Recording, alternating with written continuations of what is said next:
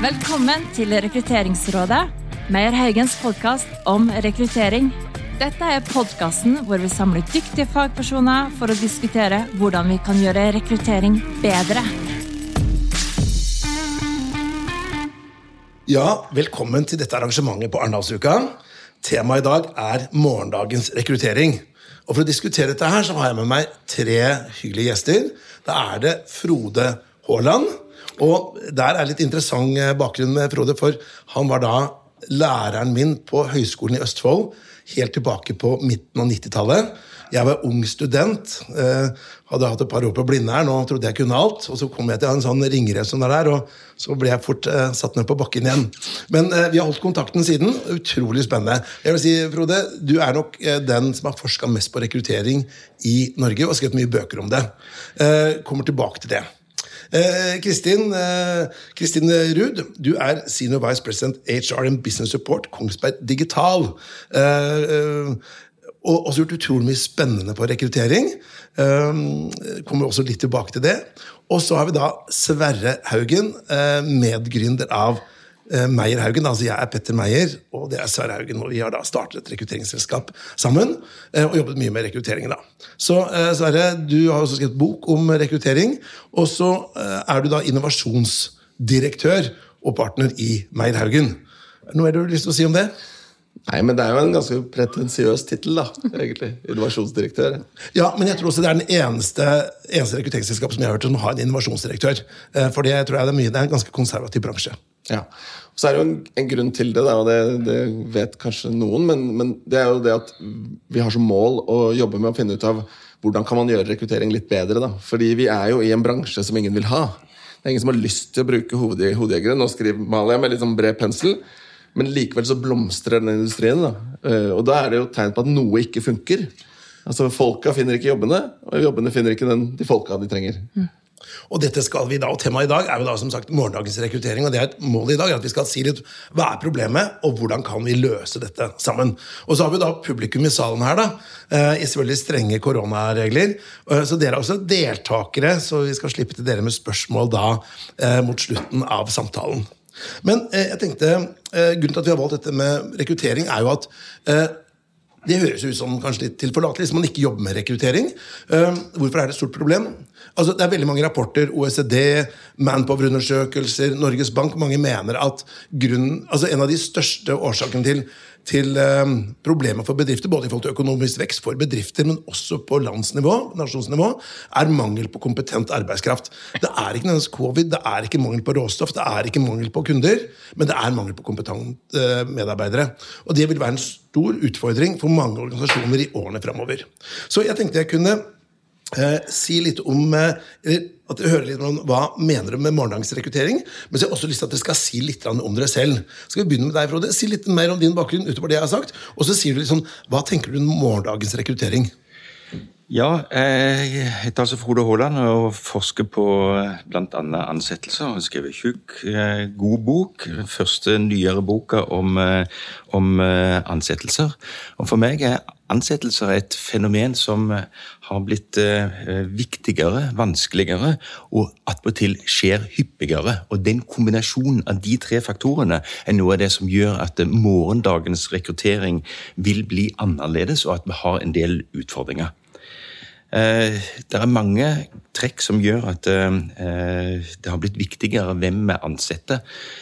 Blant annet har vi fått mye mer servicearbeid, økt kompetanse, geografisk spredte arbeidsplasser. Nå er det veldig mye diskusjon om sånn hybride løsninger, hybride kontorer.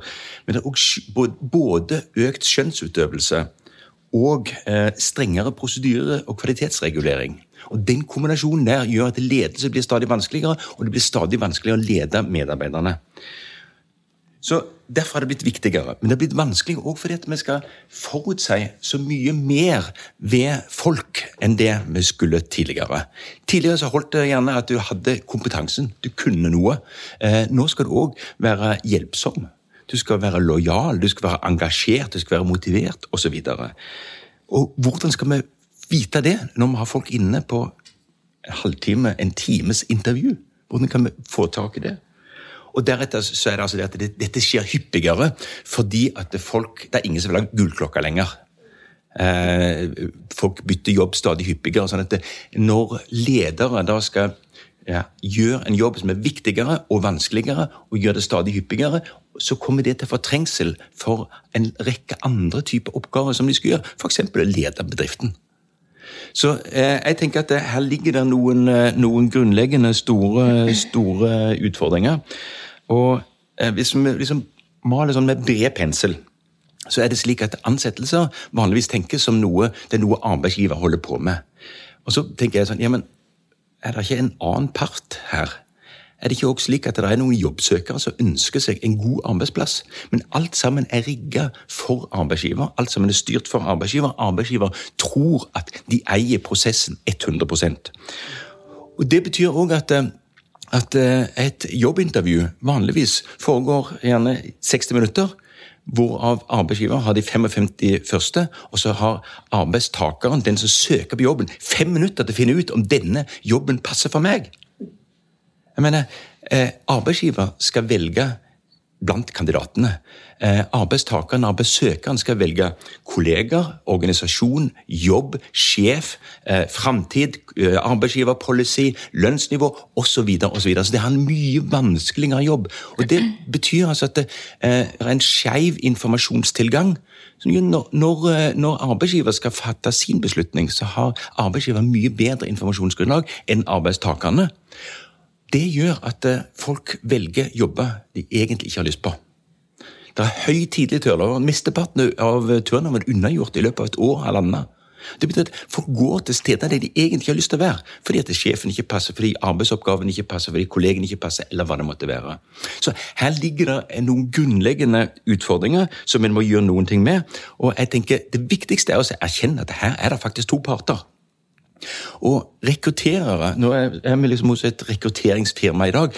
Og rekrutteringsfirma, på samme måte som Nav-veiledere og veiledere innenfor arr og den type eh, systemer, er jo noen som skal megle mellom arbeidsgiver og arbeidstaker og finne en god jobbmatch så kan det gjøres på litt ulike måter. Men jeg tenker det å gi folk et godt informasjonsgrunnlag eh, I forskningen så snakker vi om realistic job preview. Hvordan er det å jobbe en mandag morgen? Altså, det du får høre i en ansettelsesprosess, er jo eh, her er vi så flinke, her satser vi på kompetanseutvikling, men når det kommer til krita, så må du stå i kø i fire år før du får gå på kurs. Altså, det er en lang rekke ting som vi ikke kan vite før vi kommer inn i jobben. Så det at arbeidsgiver kan være mer ærlig, kan være tydeligere òg om de ubehagelige tingene, eh, tenker jeg er noe av det vi må prøve å, å, få til. Denne endeløse testingen og, og, utspørringen av folk er en annen greie. Eh, jeg syns at eh, bl.a. personlighetstester er fornuftig, men hvis søkerne syns at det er ufornuftig, så virker det ikke. Altså, Partene forstår ikke hverandre. Arbeidsgiver må forstå søkeren, men søkeren må jammen meg forstå arbeidsgiver sin interesse. I Sverige så var det et stort oppslag i Ekspressen. Etter den tid så begynte folk å si nei til å ta personlighetstester. For da var det omtalt en dårlig personlighetstest, bare sånn tøysetest, som ble brukt. Og så reagerer folk på basis av det. Altså, Jobbsøkerne forstår heller ikke arbeidsgiver. Så vi må tenke det her som en sånn matcheprosess. Så tenker jeg sånn her, Tinder Nå har jeg ikke vært borti det der greiene der. men så det er sånn, eh, skal matche arbeidsgiver og arbeidstaker på samme måte. Skal matche eh, for å forsøke å finne kjæreste. Det er jo ingen som velger en kjæreste fordi Oi, da kom det opp en match. Ja, da må jeg vel bare gifte meg, da. da. Nei, for Da skal du på din første date, og da skal du møte folk, skal du ha kontakt med folk. Men når vi tester, så tenker jeg ok, den må vi velge. Det må vi ikke. Dette er en sosial prosess.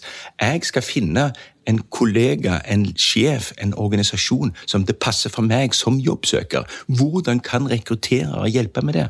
Så her det, tenk, tenk, på hvilke mennesker er det en møter når en skal inn i en ansettelsesprosess. En møter kanskje Sverre og, og, og Petter som rekrutterer, men det er jo ikke de som kommer til å være sjefen, for dette, sjefen er en helt annen og møte opp et helt annet sted. En skal ikke møte på kontoret der eh, hos Petter og, og, Sverre.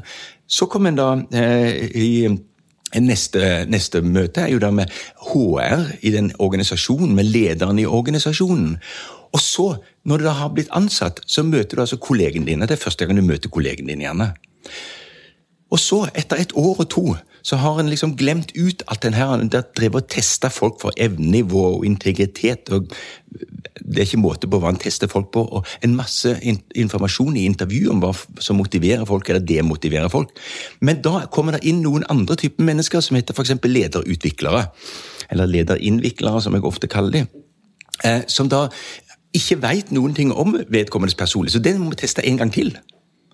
Altså, Det er ingen sammenheng mellom rekruttering, utvelgelse, innfasing og livet i organisasjonen. Og Det er noe av utfordringen, å få en helhetlig tenkning der altså informasjonen blir brakt eh, videre. Og Da tenker jeg ikke bare på noe så enkelt som vitnemålsportalen. Vitnemålsportalen er et stort problem for arbeidsgiver at eh, folk ikke har den kompetansen de påstår at de har.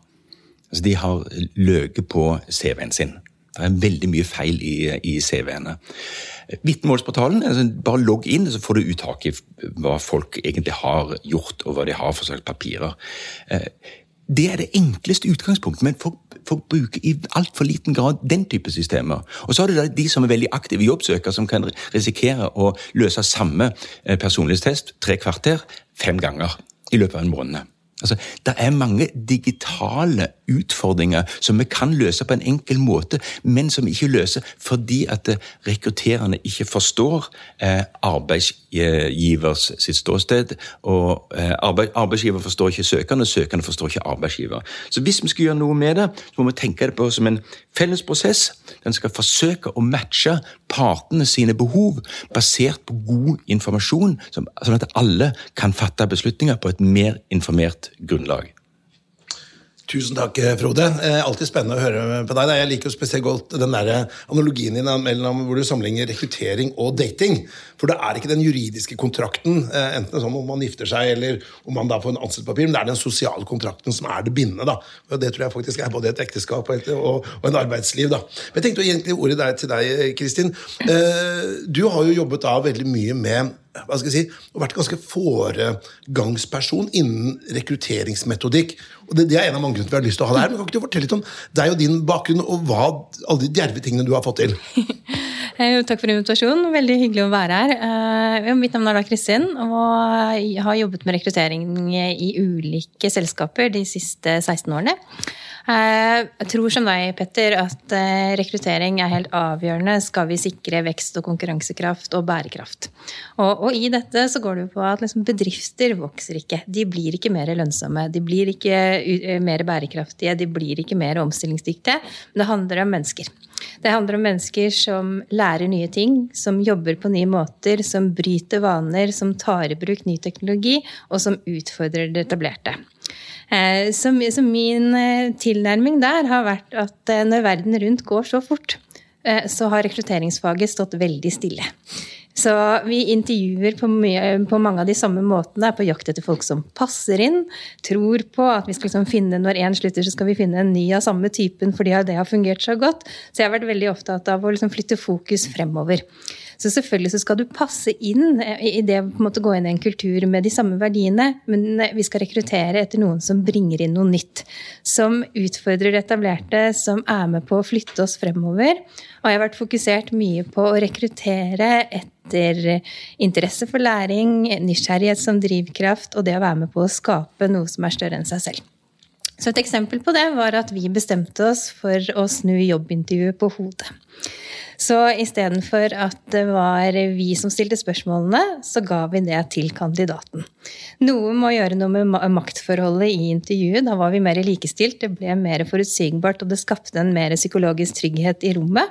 Eh, og så fikk vi liksom spørsmål fra, fra, flere at står det så dårlig til at eh, det er ingen som vil jobbe hos dere, så de må intervjue dere for å finne ut av måte, om de i det hele tatt har lyst til å jobbe der. Eh, et element av det, ja. Men vi så jo etter kandidatens evne til å være nysgjerrig, til å utfordre hvordan vi tenkte, til å være med på å forme, til å være med på å utvikle roller, og det å tenke nytt rundt hva er det denne måte, muligheten kan være til å gjøre ting på nye måter. Eh, så jeg eh, brenner for å prøve også å bruke rekrutteringsfaget til å gjøre ting på nye måter. Bygge litt mens vi flyr, leke litt, lære litt underveis. Og utfordre den måten som vi har gjort ting på over tid. Litt også som, eh, som vi var innom her, i forhold til å finne de relasjonene som gjør at vi lykkes i at vi finner folk som passer sammen, og som utvikler hverandre, og som flytter selskap og miljøer fremover. Tusen takk, Kristin. Uh, Sverre, uh, du har jobbet med rekruttering og det å koble folk og jobber i en skal ikke si mannsalder, men veldig lenge. Uh, hva er dine perspektiver på rekruttering? For det første så har jeg lyst til å applaudere det som har blitt sagt så langt, og, og det som har blitt gjort så langt. fordi det det males opp, da, det er jo et bilde av at det er noe som ikke funker helt. Og det bildet med at vi har lært oss og gått inn i en vane hvor kandidaten skal komme med lua i hånda. Og så skjer det noe rundt når det digitaliseres sant, med Finn og jobber blir tilgjengelig, og behovene i markedet endrer seg, og maktbalansen vipper helt over til kandidaten har makta. Men vi henger ikke med, da. Så ja, nå er vi mer digitale, og vi har masse nye måter, og jeg kan få ut annonsene mine til kandidater via Snapchat og Instagram eller andre apper av noe slag, men jeg er fremdeles i det gamle tankesettet om at de skal komme med lue i hånda, jeg skal si du må ha dette, og så er det den der enveisdatinga, da. Uh, og så er det interessant å, se på men hva skal til for å endre. da? Fordi Når vi snakker om hverdagens rekruttering, så er det jo umulig å ikke snakke om teknologi. Ikke sant? Det kommer teknologigreier, men teknologien kommer ikke til å redde oss. Vi er nødt til å endre prosesser og vi er nødt til å endre holdninger. Som er jo nettopp de tingene dere trekker fram. da. Og så Det andre elementet som er veldig interessant med det her, det er hvis du ser på hva er, hva er gjort på teknologi nå. Hva gjøres på teknologi? Du nevnte Eh, Tinder. Det er mange selskaper som prøver å lage Tinder-løsninger for rekruttering. Hvor du kan sveipe jobber left and right osv. Det er ingen som har knekt det ennå. Men det øyeblikket de får det til, så, så, kommer det til å skje noe spennende. Problemet på teknologi er at nesten alt av HR-tech er formet for å gjøre jobben din i HR lettere. Mm. Og så tenker man ikke på hvordan er dette for kandidaten, eller hvordan er det for meg som skal jobbe med rekruttering. Altså, det er jo flere, det er et flerpartssamarbeid som må løses. Så det er det ene. Og det andre er, og der syns jeg Tesla-gründeren Tesla Elon Musk sier det veldig veldig godt det er, det er, vanskelig å bygge en modell S-Tesla. Men det er ikke det som er egentlig vanskelig. Det som egentlig er vanskelig, det er å bygge en fabrikk som dytter ut 1000 Teslaer i måneden. Og sånn er det på innovasjon innenfor rekruttering òg. Det er ikke vanskelig å stunte en liten robot eh, eller en gamification av testing. Det som er vanskelig, er å skape varig endring som implementeres, og som kan funke over tid. da. Og det er spennende. Um, ja, Frode? Eh, altså, all sånn teknologi det eh, øker informasjonsgrunnlaget. Men det de ikke gjør, er å skape eh, tilknytning, engasjement, få lyst på hverandre. Det er det som er kjernen. En psykologisk kontrakt handler om at jeg har lyst på deg, og du har lyst på meg. Vi utveksler noen tjenester oss imellom, noe lønn osv. Det kommer ikke av at systemene har blitt digitalisert. Det blir bare enda verre. Du får ikke lyst til å jobbe et sted og møte en, eh, en sjef på, på, på, Teams. Eh, men i det øyeblikket du har snakka sammen eh, over tid, så kan du si ok, dette var en, en, fyr som var morsom å diskutere med. Dette var en fyr som var, var hyggelig å diskutere med. Så jeg tenker liksom den sosiale prosessen, at vi skal oppdage òg sider ved oss selv og sider ved den andre, det krever noe mer. Mm. Ja, Kristin? Jeg, har lyst til å utfordre deg litt på det. Eh, fordi vi er klart at nå har det vært en, en, spesiell periode hvor vi har lært mye. Eh, vi har ansatt 200 mennesker som ikke har fått lov til å møte noen av våre kollegaer fysisk. Og vi har alle jobbet på hjemmekontor i to år. Eh, I det så er det klart at det er en begrensning, og jeg er helt enig i at det er veldig mye bedre hvis vi har muligheten til å bygge relasjonene i et fysisk møte. Men, at det er mulig, absolutt, men man må tenke annerledes. Ja, og så må du nok òg tenke litt sånn eh, Hva er tidslinja i dette her? For Én ting er å bygge relasjoner tidlig. sånn at ok, jeg er interessert i å gå videre. Men det å ha lyst til å jobbe et sted, det er jo noe du ikke oppdager før det egentlig du har begynt. Her var det kult å være. Her var det hyggelige kollegaer. Her var det spennende arbeidsoppgaver. Sånn, det du gjør når, når, eller det vi gjør når vi møtes på, på Teams, det er jo at det, vi forskyver beslutningspunktet. Sånn at det, En ser jo en økt uh, turnover. Jeg vet ikke om dere oppdager det, for en økt tidlig turnover etter at vi har ansatt per, per Teams. Eh, ja, nei, det, Sånn sett så er det kanskje for tidlig å si ut fra det, men, men i hvert fall erfaringen min fra å ha vært i tech de siste ti, er jo at vi har fått det til å bygge kultur på en annen måte. Og så betyr ikke det at ikke menneskemøtene er viktig, eh, men, men man, man, må tenke litt annerledes. Og noe av det som jeg tror mye på innenfor rekruttering, er, er å snu fokus også fra reaktiv til proaktiv. Vi begynner ofte altfor seint. Vi begynner idet vi har et behov, eller noen har sluttet, eller vi skal investere innenfor for ny kompetanse kompetanse, men da er du allerede for sent ute. Så det å virkelig liksom eh, knytte en plan for hva slags type kompetanse trenger vi fremover, selv om du ikke nødvendigvis liksom vet akkurat hvordan fremtiden ser ut, tror jeg er helt avgjørende skal man lykkes med det. Sånn at du bygger de relasjonene lenge før du faktisk har en åpning. Eh, og at man bruker tid til å bli kjent med hverandre når endringen skjer, mer enn den at liksom, du starter i det du faktisk har et behov. da. Sverre? Make friends before you need them. Ja. det, det, er, det, er, eh, det er jo veldig mye smart som sies. ikke sant? Og hvis vi ser på det dere snakker om nå, sånn som dette med digitale intervjuer, så har vi blitt tvunget inn i en digitaliseringsløsning. ikke sant? Og Det er nok en av de tingene som har skjedd i nyere tid, som, som faktisk vil medføre en litt varig endring. En større digital modenhet. Da jeg tilbake i jeg tror det var 2010 eller noe, jobbet jeg i Accenture, så skulle vi starte med videointervjuer. Alle var med på det, det var dødskult. Det var bare ett problem. Ingen hadde webkamera hjemme. Så vi måtte sende webkameraer fysisk i posten til de som skulle på intervju. Den barrieren er jo helt borte nå. ikke sant? Alle har telefon og kamera i lomma hvor som helst, når som helst. Og, og så er det ikke sånn at ting trenger å være high-tech. Men det kan være low-tech. ikke sant? Nå står jo vi her og spiller inn en podkast. Podkast er jo et verktøy som vi har brukt. Og når vi har testet og prøvd å finne ut av hvordan kan vi få en bedre informasjonsbalanse, da, så har vi begynt å ta podkastintervjuer med ledere men ikke for å markedsføre stillingene, ikke for å få 10 nye søkere eller 100 nye søkere. Nei, for å gi bedre informasjon til kandidatene. Så legger du mer informasjon til kandidatene, bedre informasjon, og du får en større selvseleksjon, og kvaliteten i prosessen øker, og vi får ekstremt gode tilbakemeldinger på det. Mm. Så det, det, det, er sånne low-tech-grep som mm. faktisk funker. da. For det er noe av tankegangen eh, hva skal Jeg si, jeg har jobbet med rekruttering da i, i ja, par og 20 år.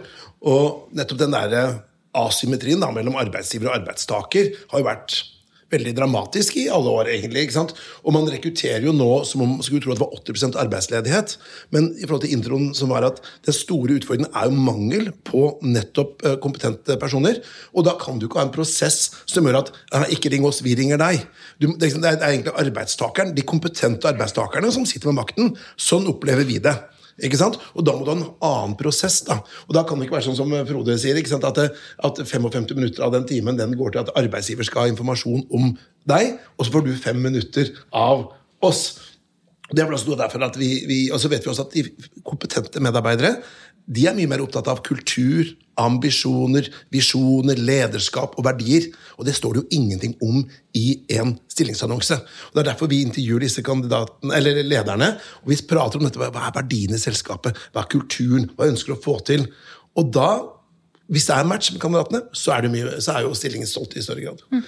Ja, det var Kristin først. Nei, Jeg har egentlig en kommentar tilbake på, på, det som Sverre snakket om. og eh, Det vi har lært da, ved å bli tvunget til å kjøre alt på, på Teams, har vært at vi har fått høyere score på kandidatopplevelse. Eh, og rett og slett fordi at også kandidatene opplever at vi er med mye mer tilgjengelig, og det er lettere faktisk å ta et intervju. Eh, og du kan bruke mer tid på å utforske. Så før måtte du kanskje liksom til arbeidsgiver bruke som unnskyldning at jeg skal til tannlegen, eller jeg skal til frisøren, eller jeg må hente tidlig. Nå er man tilgjengelig på en måte litt mer i det skjulte og kan bruke lengre tid i prosessen i forhold til å bli kjent med hverandre. Eh, så de opplever jo at det at du ikke bruker tre timer fordi at jeg skal dra inn på kontoret til Sverre eller Petter for å bli kjent eller møte selskapene, så blir faktisk prosessen i det mer tilrettelagt. At jeg som kandidat får bruke mer tid på å bli kjent med selskapet. Mm. Og så må en tenke, altså, hva, hva, slags type informasjon er det folk har før de kommer til intervju? Altså, Podkast er jo én måte. Altså, dere som lytter og sitter her i salen, uh, lytt inn på et par sånne, sånne podcast, stillingspodkaster. Fordi det er altså interessant å se, se, hvilke av disse selskapene kunne jeg tenke meg å jobbe i, og hvilke kunne jeg ikke tenke meg å jobbe i. Så bare glem bort alt om din egen kompetanse. for det, det er en måte å få tak i en mer realistisk måte av, og forståelse av et selskap ved en slik podkast. Det er altså én måte.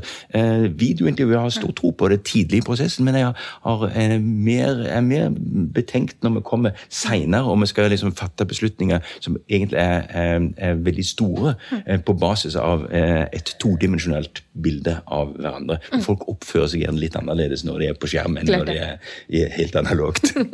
Jeg kan kommentere bare til de som eventuelt er nysgjerrig på å lytte til disse podkastene. Så har vi lagt, begynt å legge det ut noe offentlig. I starten var det jo helt til det skjulte, distribuert direkte til kandidater. Så har det funka så bra at nå har vi gått ut public, så nå kan man søke opp Meierhaugens stillingspod på Spotify, for eksempel, Så ligger det snart et titalls episoder ute. Det kommer flere utover. Mm. Dette har vært en metodikk vi har brukt nå i to år, så vi har, gjør det, dette er standard i alle rekrutteringsprosessene våre. Ja, ja.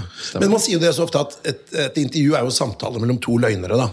Og det er sant, Vi som arbeidsgivere vi kanskje prøver å kanskje ubevisst, men også kanskje litt bevisst også, prøver å skryte på oss litt. Da. Det er litt som dating. ikke sant? Den parallellen den er skremmende lik. Prøver å framstå litt uh, slankere, litt penere, litt høyere, litt mer kompetent. Fremtidsutsiktene er bedre. Og nå prater jeg både dating og rekruttering. da. Uh, og arbeidstakeren da, sitter så tenkte jeg jøss, dette her var jo storveis.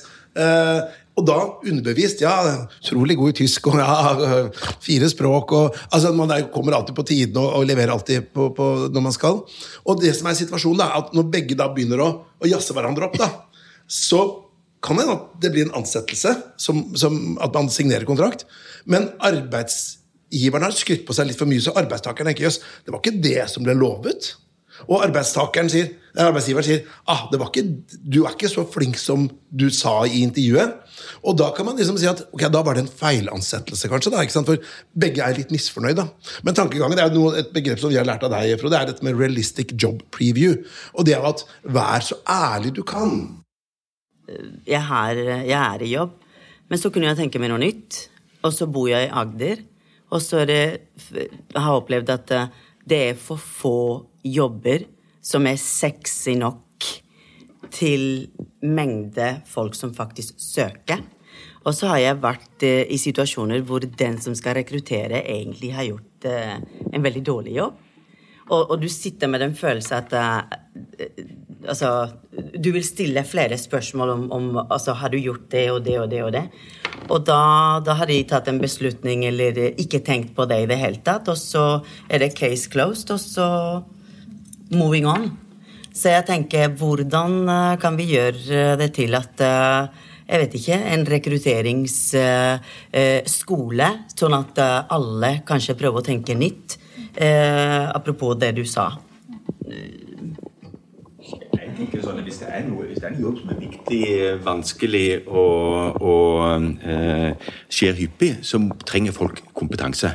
Det finnes altså veldig få kurs innenfor eh, rekrutteringsfaget. Det, er, du kan ta noe greier på BI noe greier eh, på Kristiania osv. Men eh, for ledere som skal eh, kvalifisere seg for det, så er det dagskurs. Og Da får du stempel i panna, og da er du flink. og Et dagskurs, eh, ærlig talt, det er ingenting. Nei, jeg føler at det er noe som du kanskje har i deg. Altså Kanskje det høres uh, helt uh, banal ut, men uh, enten så er du, du, Erfaring. Enten så er du en menneskekjenner, eller klarer du ikke å fikse den jobben. Tenker jeg tror dette er et fag som kan eh, læres, og så kan en lese seg til noe, og så må en trene. Eh, og trene, trene sammen med andre. Men du pekte òg på noe innledningsvis. Dette med eh, vanskeligheten med å matche arbeidstakere og jobbe. Klart, Geografi er et kjempeproblem. Det kan finnes jobber i Finnmark, men bor du på Agder-siden, så er ikke det relevant.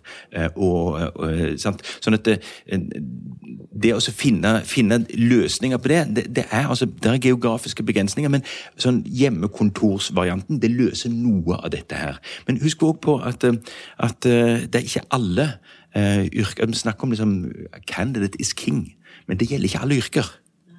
Altså, hva si, hvis, du har, hvis du har god er etterspurt, en kompetanse etterspurt, sykepleier etterspurt hjelpepleier etterspurt. Alle velferdsstatens yrker. Får de noe høyere lønn av den grunn? Nada!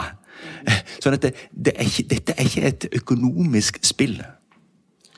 Så, jeg, jeg, har også lyst til å legge til at uh, eh, vi snakker om morgendagens rekruttering, så snakker vi om hvordan kan vi jobbe bedre med rekruttering. Men så er det som du sa helt innledningsvis, Frode, to sider av bordet. ikke sant? Jeg tror at noe av det som kommer til å skje på rekruttering innenfor fremtid, altså innovasjon, det er ting som gjør det lettere for deg å finne den relevante jobben. Fordi hvis du går på Finn i dag, så er det for det første vanskelig å finne, ut, finne jobben, egentlig. Og det er vanskelig å vite om de er relevante, og hva det er, og hva som er riktig for deg. da. Og det å skulle bytte jobb er en tretrinnsprosess. Du må vite litt sånn hva du vil. Det er dritvanskelig. Og så må du finne den jobben et sted. Det er dritvanskelig. Halvparten av jobben lyses ikke ut. Der nettverk er viktig, osv. Og, så og så må du få jobben. Og da handler det om kommunikasjon og det å klare å fortelle Kristin på riktig måte hvor god du er. da. Ja, du er på to, Da, da du begynner, begynner med til Oslo. Søke ja, Ik ikke sant? i Oslo. En kommentar på, på det også. For jeg, jeg tror jo, som du sier, at liksom det der å vite hvor er det jeg passer inn, er et vanskelig spørsmål. Men, men også det å, eh, litt sånn som dere jobber, da, å, å ta kontakt med folk og hinte om muligheter lenge før du selv egentlig tenker på at du skal bytte. Eh, for, for det er også klassisk liksom, når du har lyst til å bytte jobb, så har du gjerne vært et sted litt for lenge. Eh, eller du begynner å bli lei og, og, og bruker liksom tid på da, og da er det ofte lett å bli smigret. Og ta liksom første mulighet som potensielt kan lande feil fordi du sammenligner med det du hadde, etc. Så det å liksom begynne liksom, i eget hode, også prosessen veldig mye tidligere, men at rekrutteringsfaget kommer til å bli mer proaktivt, mer basert på at man begynner mye tidligere å tenke på liksom, ok, hva blir riktig neste gang? Ikke nødvendigvis liksom, det jeg hele veien har gjort, men hvordan kan jeg bruke min kompetanse på nye måter? Og der tror jeg rekrutteringsfaget kommer til å bli mye mer rådgivning og sparring, mer enn innsalg.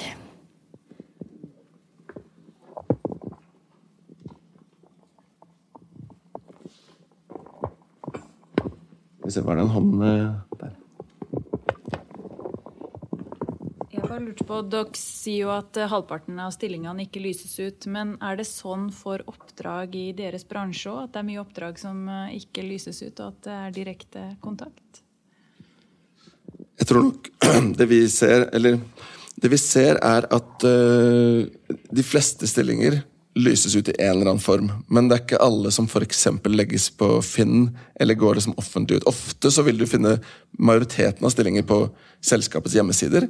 Men det gjør det jo veldig vanskelig for deg som kandidat, for da må du jo tråle 10 000 hjemmesider for å finne det. ikke sant? Så når vi sier liksom at 50, at 50 ikke lyses ut, så handler det om eh, at de gjøres veldig lett tilgjengelig og mulig å finne. da, egentlig. Så er det noen unntak hvor prosessen er veldig hemmelig. Hvor det er veldig direkte kontakt og ikke noe skriftlig noe sted. Så det skjer jo, men det er egentlig unntaksvis. da.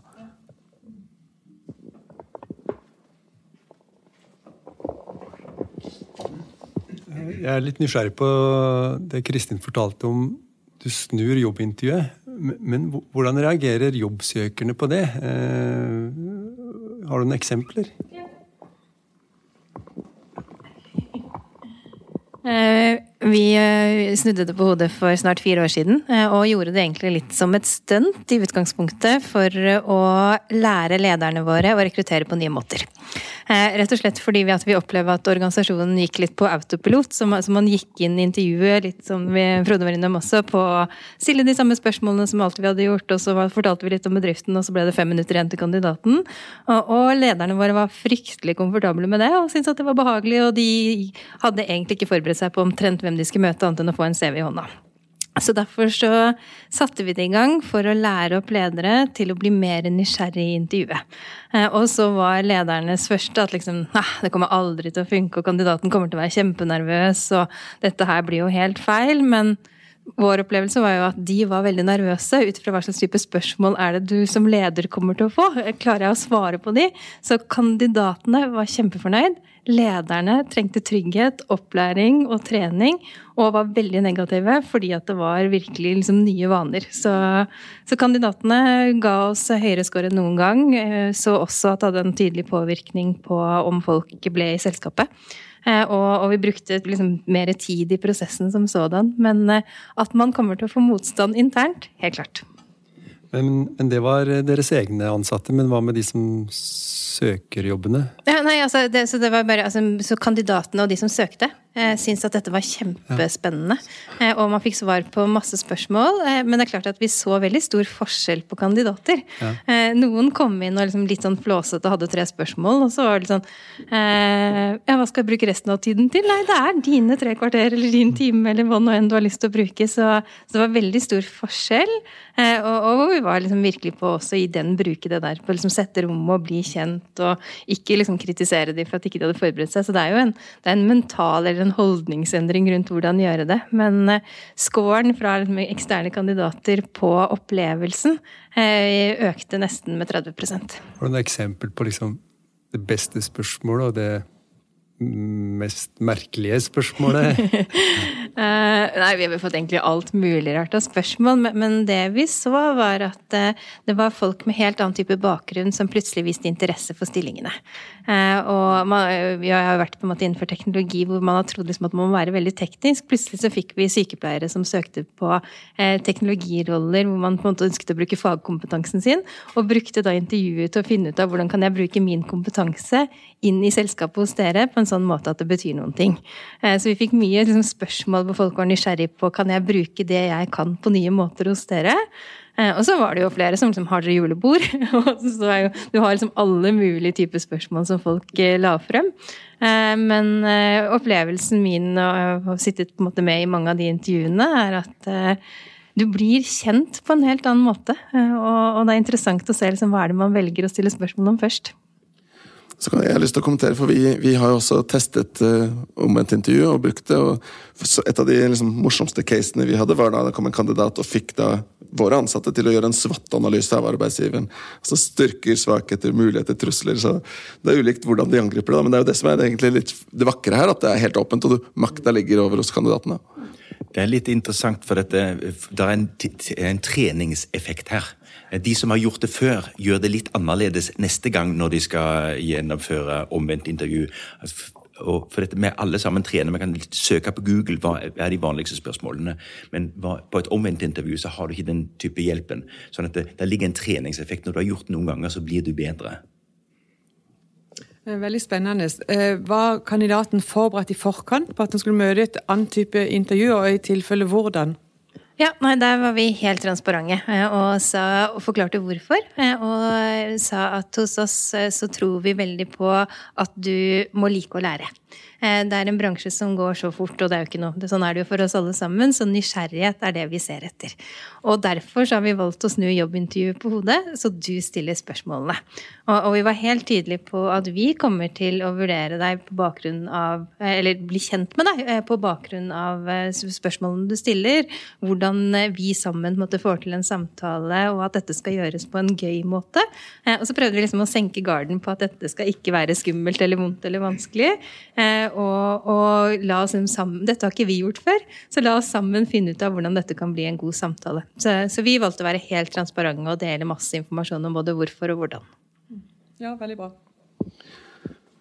Det er jo eh, Når det kommer til hvorfor folk ikke får jobb, så Jeg har jobbet mye med det. Denne boka jeg har skrevet handler jo om jobbsøkerkommunikasjon og hvorfor, hvordan får man jobben. og En av de viktigste grunnene til at ikke du får en jobb som kandidat, det er at du blir så veldig opptatt av hvordan blir jeg evaluert. Er jeg god nok?